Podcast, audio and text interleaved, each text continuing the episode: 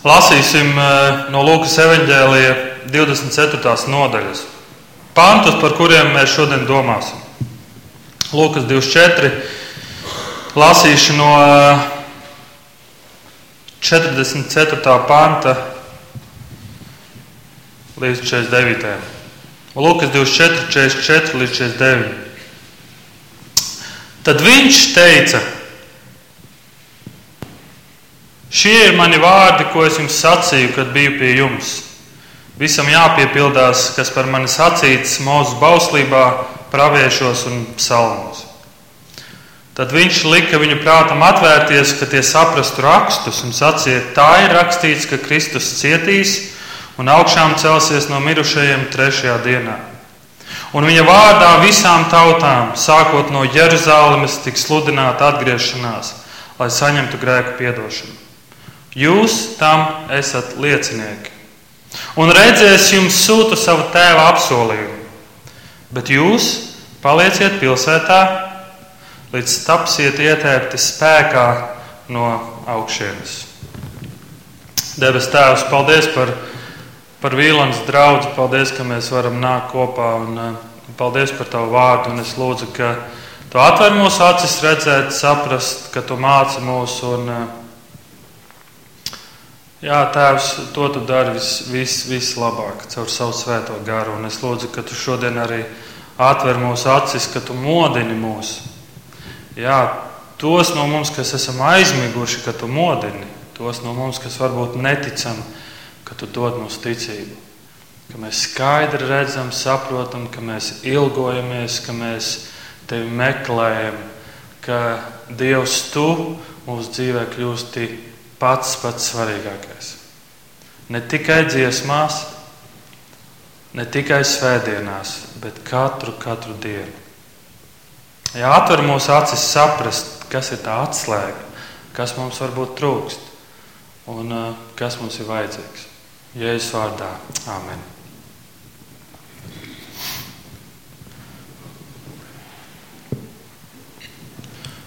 Man ļoti uzrunāja, uzrunāja tās dziesmas, ko mēs dziedājām. Un, eh, un eh, tā dziesma, ka spēcīga dziesma vai nespēcīga vārda, neesmu vairāk, es baidu vergs, es esmu Dieva bērns. Es aizgāju ūdeni padzerties, un es, es skatījos uz kādiem no jums. Redzēju, ka jūs sēdējāt un arī dziedājāt. Un, un tad, man, tad man bija tāds jautājums, kas tev to ir pateicis? Kas tev to ir pateicis, ka tu neesi baidu vergs un ka tu esi Dieva bērns? Un vai tu patiešām tam tici?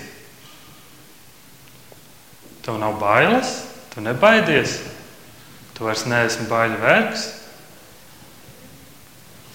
Kā tu zini, ka tu esi Dieva bērns? Ko nozīmē būt Dieva bērnam? Kas tev to ir atklājis? Kā tu to esi atvēris un sapratis? Tas, ko Toms lasīja no rīta, no rīta. pirms kāda brīža bija apakstuļu darbi, pirmā nodaļa. Un, ap, un tā pirmā nodaļa man ļoti saistās ar vasaru. Man liekas, kaut kas sākas. Nu sākas karstums, nu iet karsti, nu notiek visādas lietas. Un, un par to arī šodien runāsim. Un mēs šodien domāsim par par, runāsim par svēto garu. Svētais gars ir tēma, par ko parasti Baptisti parasti daudz par to nerunā. Un, uh, daudzi baidās no tās tēmas. Daudzi vispār baidās pieminēt svēto garu vai runāt par svēto garu, jo šķiet, ka tas ir kaut kas ļoti nepazīstams. Un, un tad es tā domāju, bet patiesībā tas ir Dievs. Tā ir daļa no Dieva. Un par to nav jābaidās runāt. Iespējams, arī jūs esat pamanījuši reklāmas uz Rīgas ielām.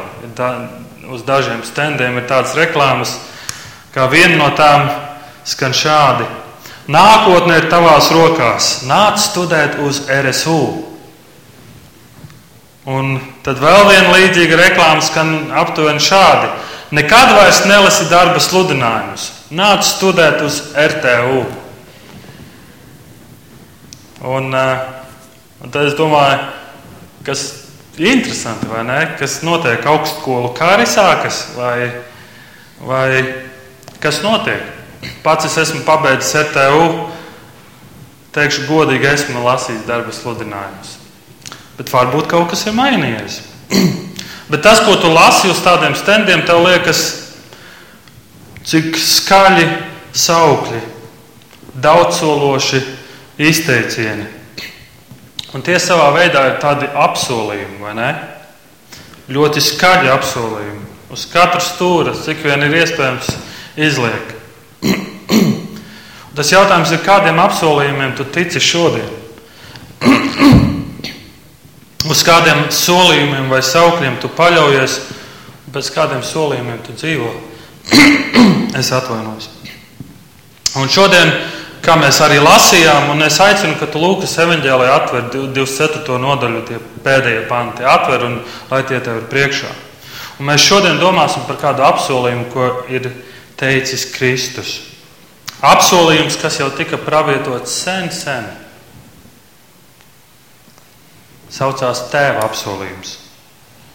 Bībelē ir ļoti daudz apsolījumu, ko ir teicis Dievs, bet šis apsolījums ir īpašs. Tas, ko mēs 24. Eh, nodaļa, tas ir notikums par eh, augšām celšanos un Kristus braukšanu debesīs.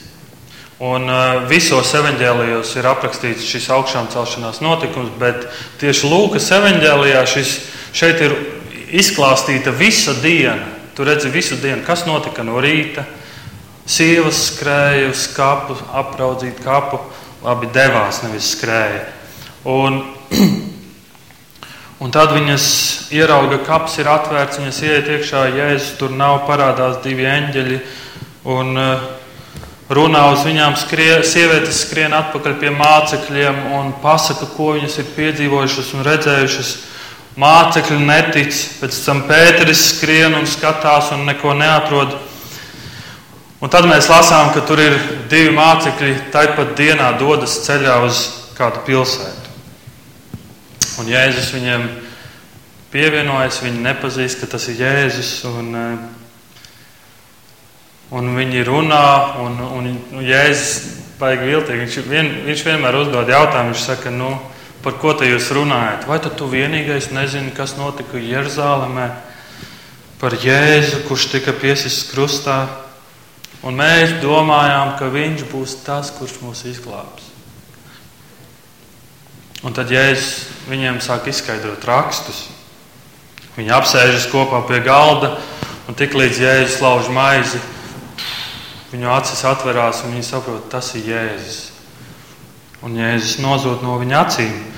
Mācekļi dodas strauji, ātri atpakaļ pie citiem mācekļiem, mācekļiem lai, lai paziņotu to, ko viņi ir redzējuši, ko viņi ir piedzīvojuši. Un tajā brīdī, kad viņi ir tur visi kopā, Jēzus mācekļiem parādās. Viņi nobīstas, jo viņi domā, tas ir spoks. Viņiem liekas, ka tas ir spoks, bet Jēzus saka, nebaidieties, tas esmu es. Es neesmu rēks, es neesmu gars, es esmu dzīvs, es esmu augšām cēlējis. Un, starp citu, lai jūs pārliecinātos, iedodiet man kaut ko pāriest, lai jūs zinātu, ka gari jau nē, vai ne? Bet mīlīgs cilvēks ēd. Un tad mēs lasām 45. pantu Un te ir rakstīti interesanti vārdi. Tad viņš lika viņu prātam atvērties, ka tie saprastu rakstus. Tad šajā brīdī Jēzus atver viņu acis un viņi saprot lielo bildi.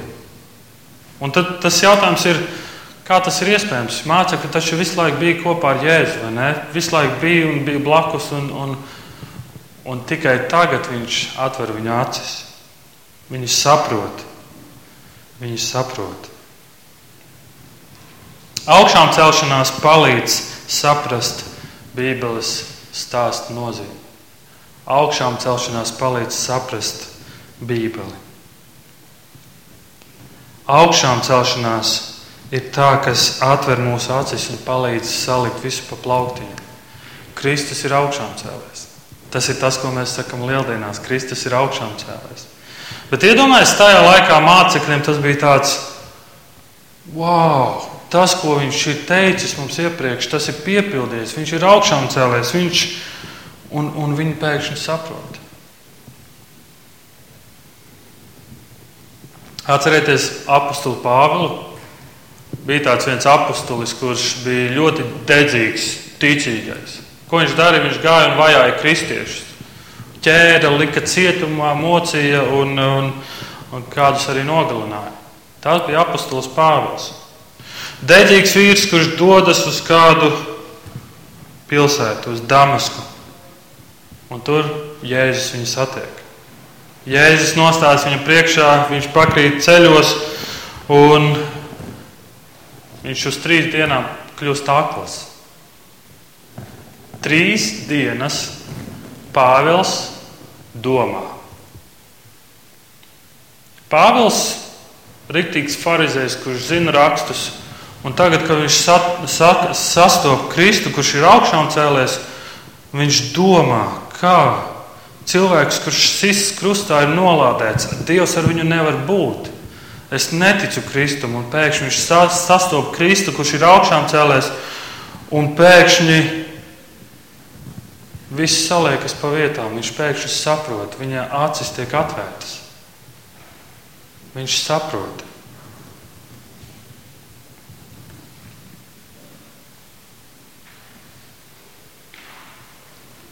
Un pēc tam mēs lasām, ko, ko Pāvils dara, ar kādu spēku Pāvils iet un sludina un dibina draugus, un ko viņš sludina.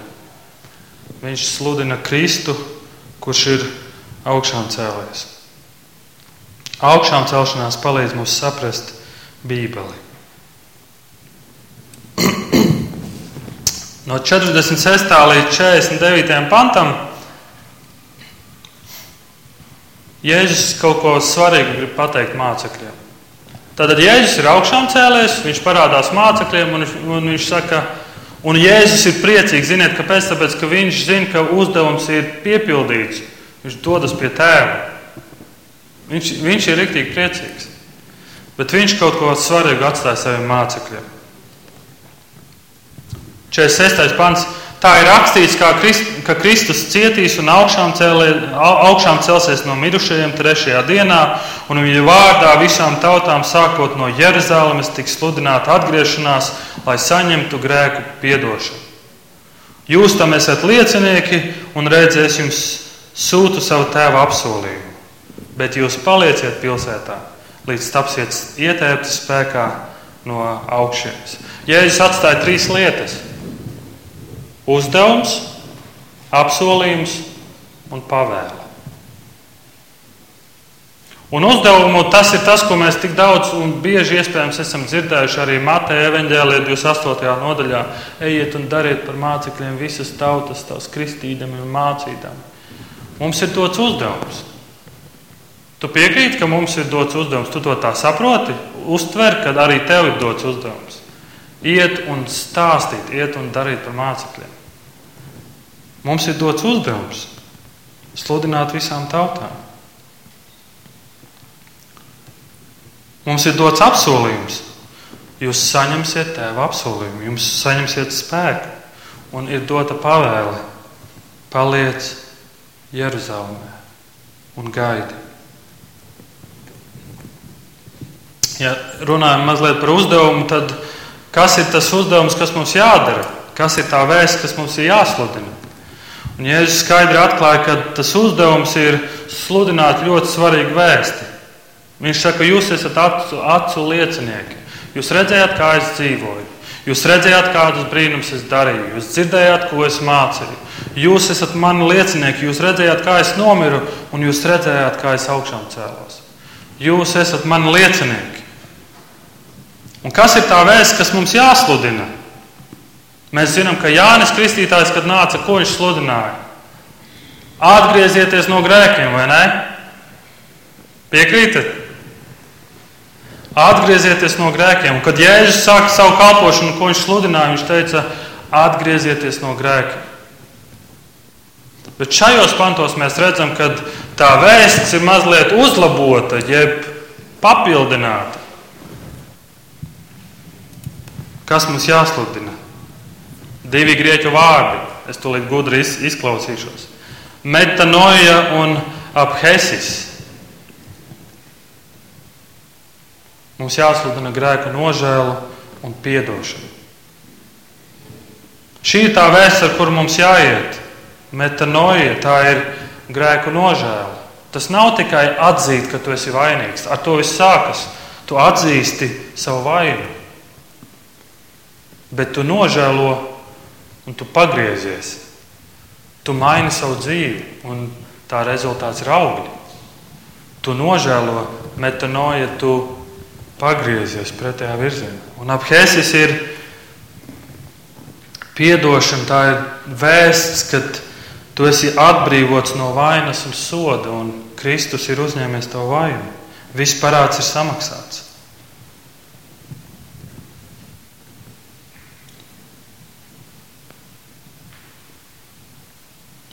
Mums ir uzdevums pasludināt grēku nožēlu un atdošanu. Un tad ir apsolījums. Un Jēzus saka saviem mācekļiem, un redzi, es jums sūtu savu tēva apsolījumu. Es jums sūtu savu tēva apsolījumu. Apostoli darba pirmā nodaļa, ko Toms jau lasīja, ir rakstīts, ka neaiziet no Jeruzalemes, bet sagaidiet tēva apsolījumu, ko jau dzirdējāt no manis. Jānis kristīja ar ūdeni, bet jūs pēc nedaudz dienām kristīs svētajā garā. Šis apsolījums jau tika izteikts vecajā darbā. Jēzus 44.3.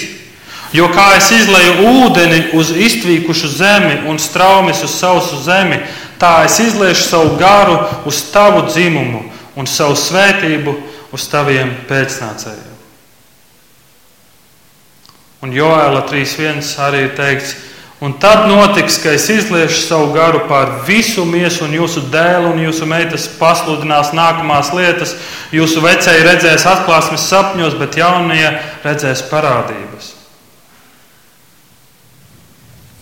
Kristus apsola kaut ko svarīgu. Kristus kaut ko pasaka. Jūs zināt, Jēzus pazīst savus mācekļus ļoti labi.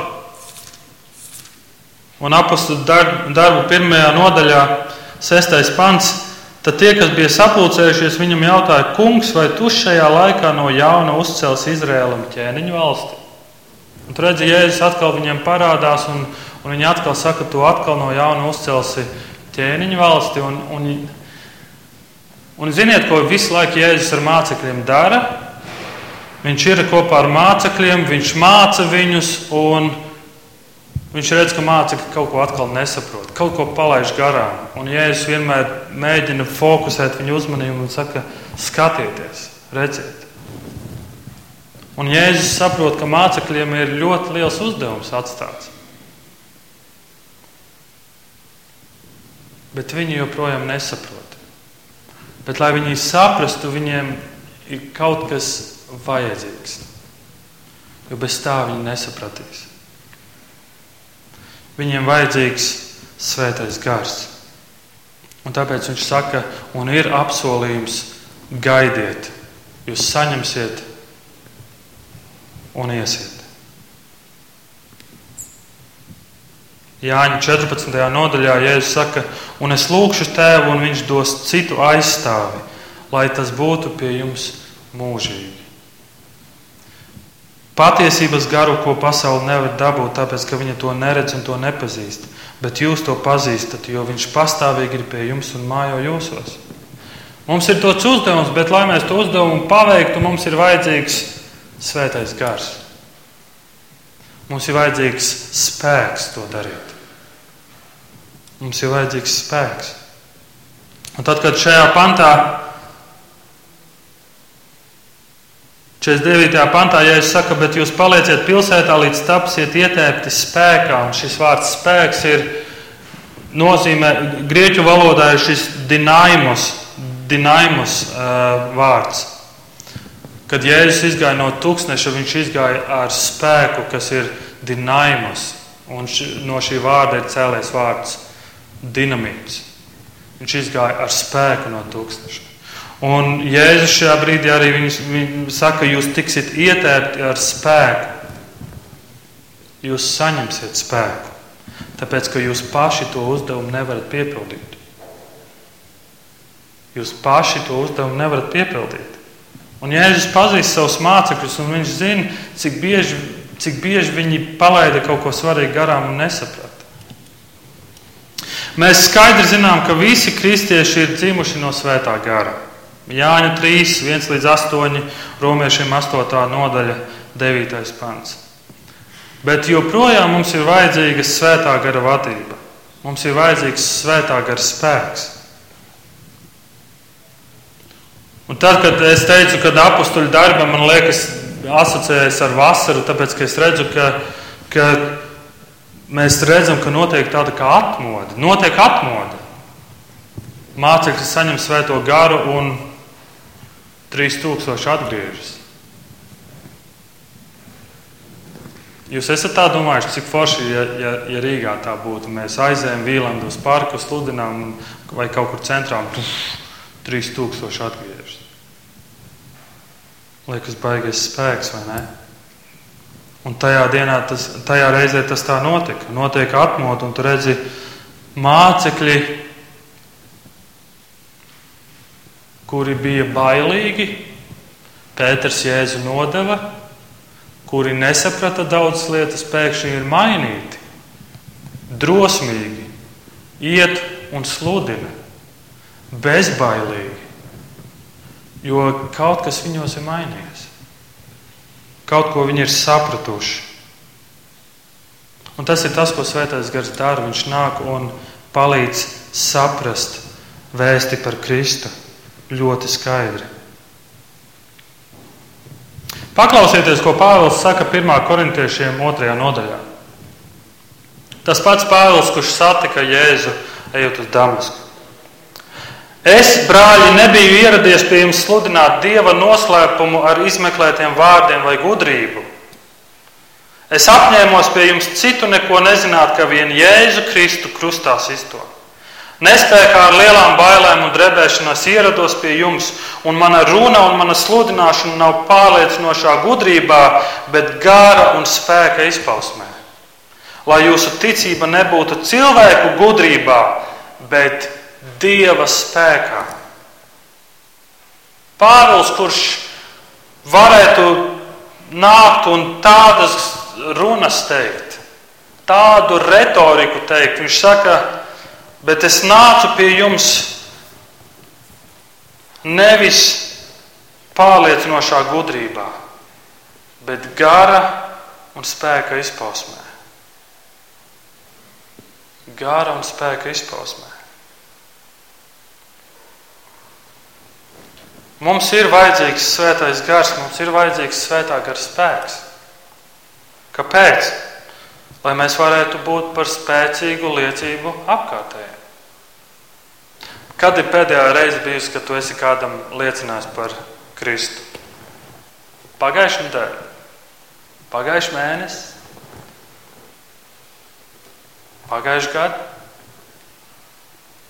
Vai tev šķiet, ka tu baidies, vai tev šķiet, ka tu esi nepārliecināts, un ko tad es teikšu, man bailes pazaudēt draudzību, man bailes no tā, vai man bailes no tā. Un tad tu jūti, ka kaut, kaut kas nav. Kas nav, kas trūkst. Un tu saproti, ka tavs intelekts nav pietiekams. Tu varbūt zini daudz lietas, bet ar to nepietiek. Es stāstu un tā kā pret cienu.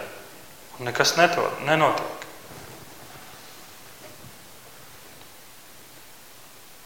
Mēs šodien dziedājam dziesmu.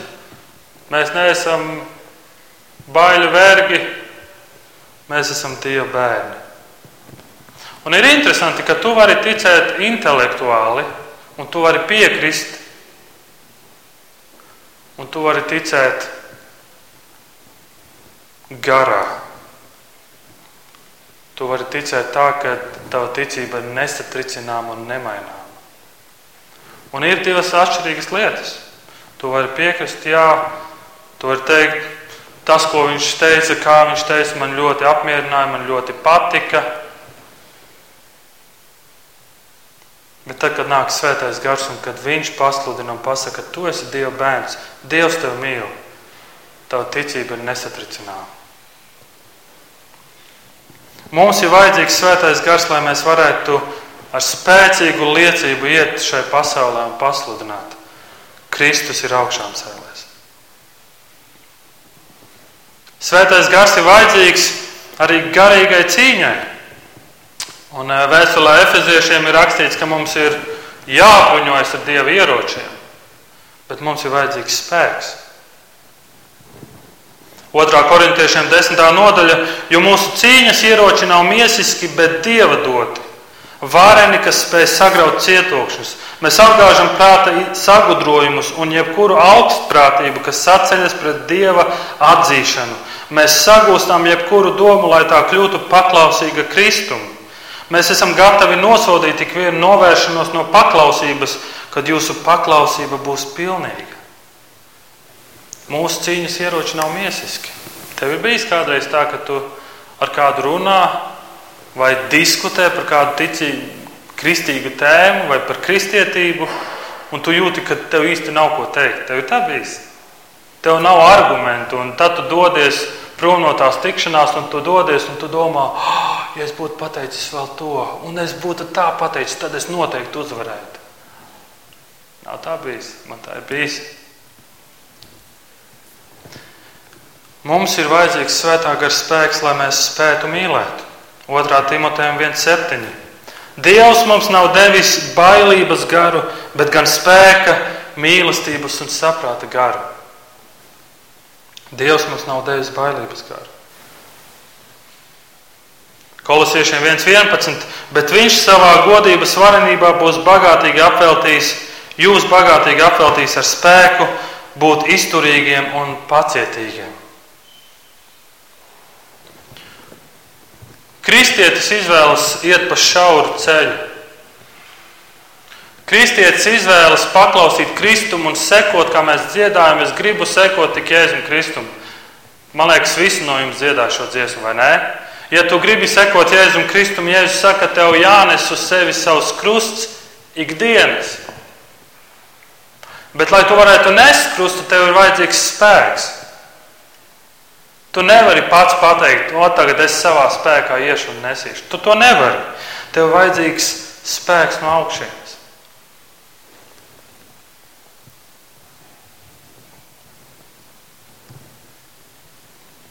Efeziešiem 3. nodaļā Pāvils lūdz, tādēļ es loku savus ceļus tēva priekšā, no kā ik viena cilts debesīs un virs zemes dabū savu vārdu lai Viņš savā godības bagātībā jums dotu savu garu un darītu stipru jūsu iekšējo cilvēku.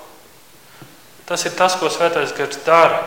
Viņš dzemdina jaunu cilvēku tevī, kad tu kļūsi par kristieti, un viņš palīdz tam kļūt stiprākam un palīdz tam augt. Tas ir Svētā gara darbs. Ja tu neesi dzimis no augšas, tad tavs iekšējais cilvēks ir miris. Tu dzīvo tikai lietām, kas ir šai pasaulē, tu priecājies par lietām, kas ir šai pasaulē, bet ne lietām, kas ir garīgas. Palabošu mazliet, ne lietām, kas ir debesu valstībā. Un tad trešā lieta, kad es domāju par pavēli. Vai kāds no jums zina, ko mēs vairākas svētdienas pēc kārtas šeit Vīlens draudzē daram, sludinam. Jūs ziniet, kādai sērijai mēs ejam cauri? Jēzus pavēlē. Būšu godīgs. Es bieži vien, kad es domāju par to, kad es lasu, es lasu, cik skaista Jēzus pavēle. Bet, kad es lasu to, man liekas, tas ir, es to uztveru kā tādu ieteikumu. O, cik skaisti Jēzus pateica, labs ieteikums manai dzīvei, kā dzīvot. Bet mēs palaidām kaut ko svarīgu garām.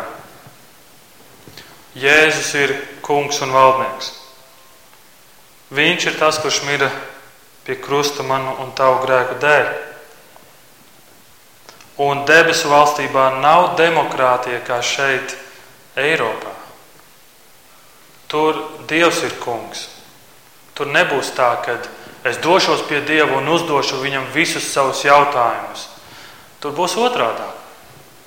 Ja tu dosies pie viņa, tad jautājums uzdos viņš, jo viņš ir kungs.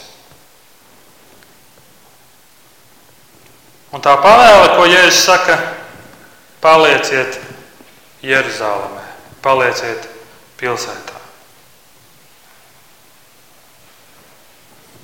Kad es domāju par pavēli, tad es domāju par paklausību. Man šķiet, paklausība šeit ir tāds atslēgas vārds, par kuru mums būtu jādomā. Paklausi Kristus pavēlē. Cik daudz tev nozīmē Kristus pavēles, ko viņš ir teicis. Kad tu dzirdi, tu uzreiz saproti, jā, tas ir tas, kas man jādara, un tas ir tas, kam man jāpaklausa. Jūs redzat, kas notiek ar mācekļiem. Ja es saku, ejiet un palieciet Jeruzalemē, neiet nekur citur, gaidiet. Un viņi gaida, viņi paklausa, un viņi saņem svēto garu un notiek atmodu. Dievs nav mums šodien solījis, ka būs tāda pati veida atmoda, kā bija apakstuļu darbos. Bet viņi paklausīja, viņi palika un notika atmoda. Vai tu esi paklausīgs Kristus pavēlēm? Vai tu esi paklausīgs Dieva vārdam? Ko tev nozīmē Dieva vārds? Vai tā ir autoritāte, kur tu uzskati, jā, lūk, šis ir tas, kam man jāpaklausa? Un tas ir, un kad es lasu apakstuļu darbus, man, man, man liekas, un tur minēti viņu vārdi. Toms arī lasīja, pieminēti viņu vārdi. Cik dažādi viņi bija. Bet kā Dievs viņus maina.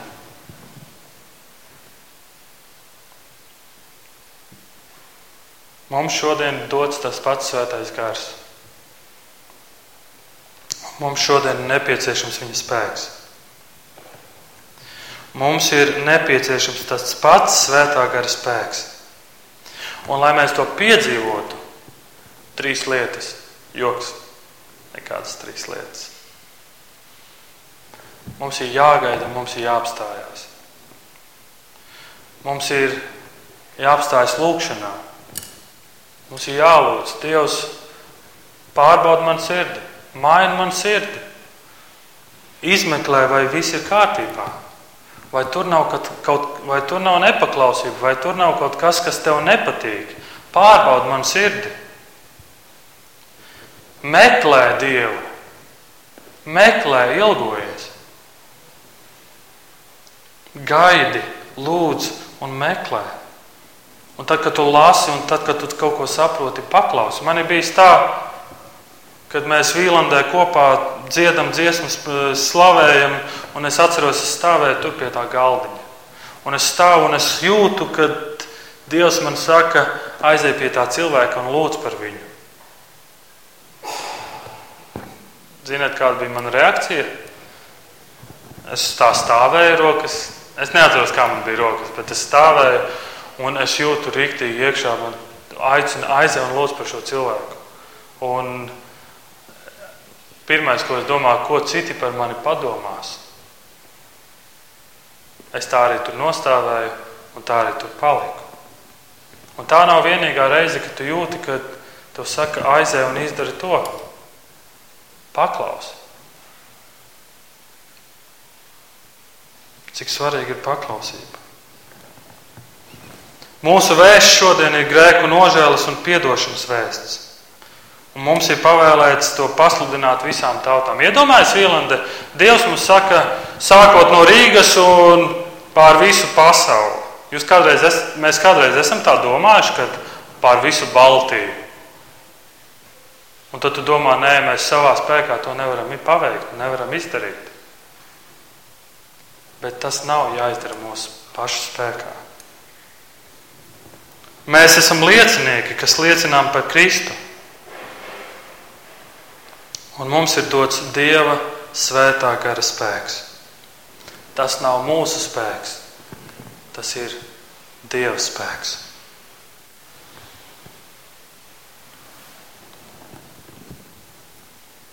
Kolosiešiem trešajā nodaļā Pāvils saka,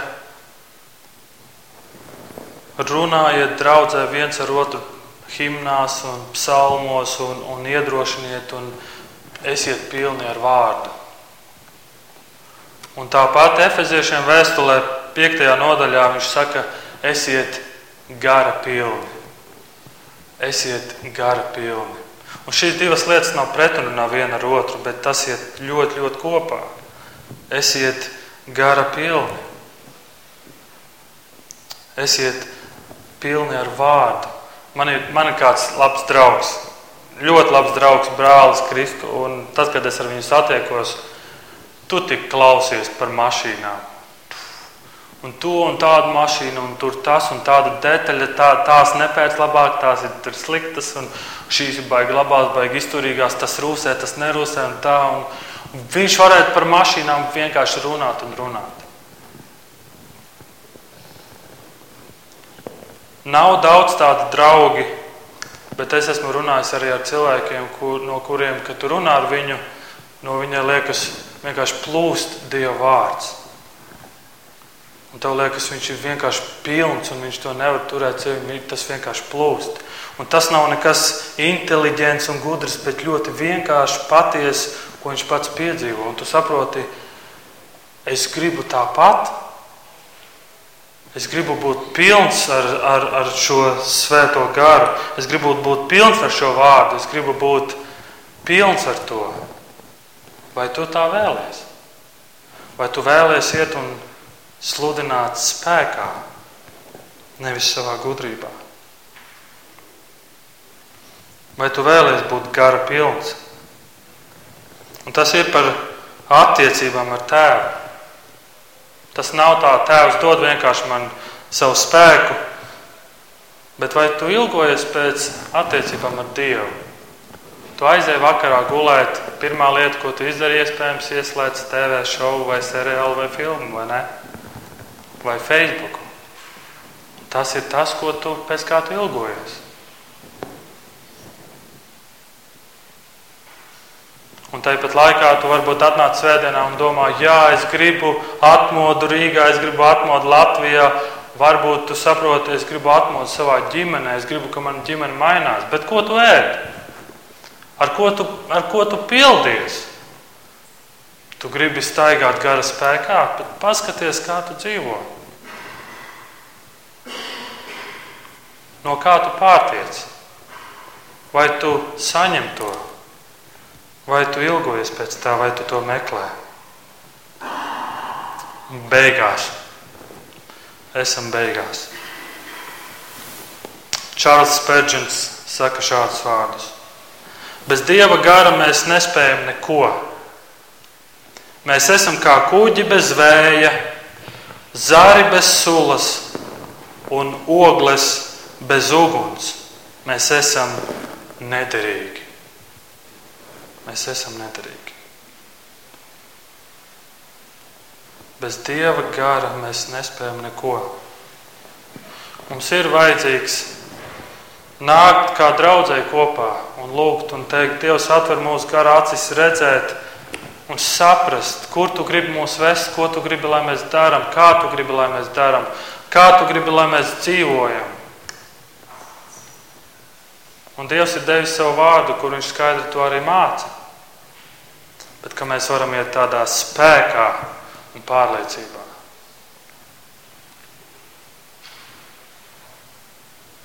Spēkā un pārliecībā.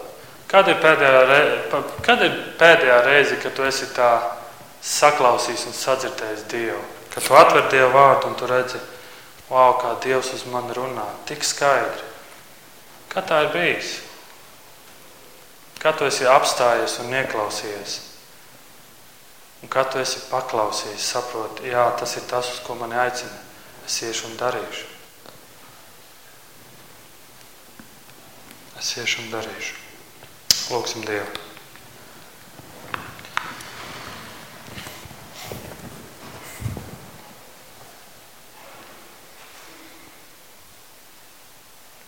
Debes Tēvs, paldies Tev par to, ka mēs varējām domāt par šo tik, tik ļoti lielo tēmu, un, par kuru mēs varētu taisīt atsevišķu sēriju. Un Tēvs, jā, es negribu paļauties uz savu spēku un izmeklētiem vārdiem, bet es gribu paļauties uz Tevi. Un mēs lūdzam, ka mēs, ka mēs meklējam Tavu tuvumu, Tavu klātbūtni ikdienā ka mēs neesam nomināli kristieši vai kristieši, kas esam aizmiguši. Ja esam, tad modini mūs. Un palīdz apzināties, cik ļoti mums vajadzīga tava gara vadība. Palīdz būt pilniem ar tavu vārdu. Palīdz mums to saprast, izskaidro, ka tas ir skaidrs. Un ka mēs, esot savā ikdienā, ejam ar spēku, ar paklausību Jā, māc mums paklausību. Lai tas ir neloģiski, lai tas ir grūti, ja tas arī liek atteikties no kādām ērtībām, palīdz mums paklausīt. Palīdz, ka mūsu ilgošanās ir, ko tu gribi, lai es šodien daru, kur tu mani vadi, ko tu gribi, lai es daru. Un palīdz, ka mūsu dzīvē ir šis skaistais auglis mīlestība, pacietība, lēnprātība un visas pārējās lietas. Tēvs, es lūdzu, ka tu pildi mūs, ka tu iedrošini, stiprini mūs un, un palīdz, ka mēs esam draugi, kas lūdz. Palīdz, ka mēs nākam kopā un saprotam, ka mums ir vajadzīgs, ka mums esi vajadzīgs tu Dievs. Ka mēs meklējam laiku kopā, lai lūgtu, lai tevi meklētu, lai būtu pilni ar tevi, lai būtu pārpildīti ar tevi. Jā, to es lūdzu, ja es tavā vārdā. Amen.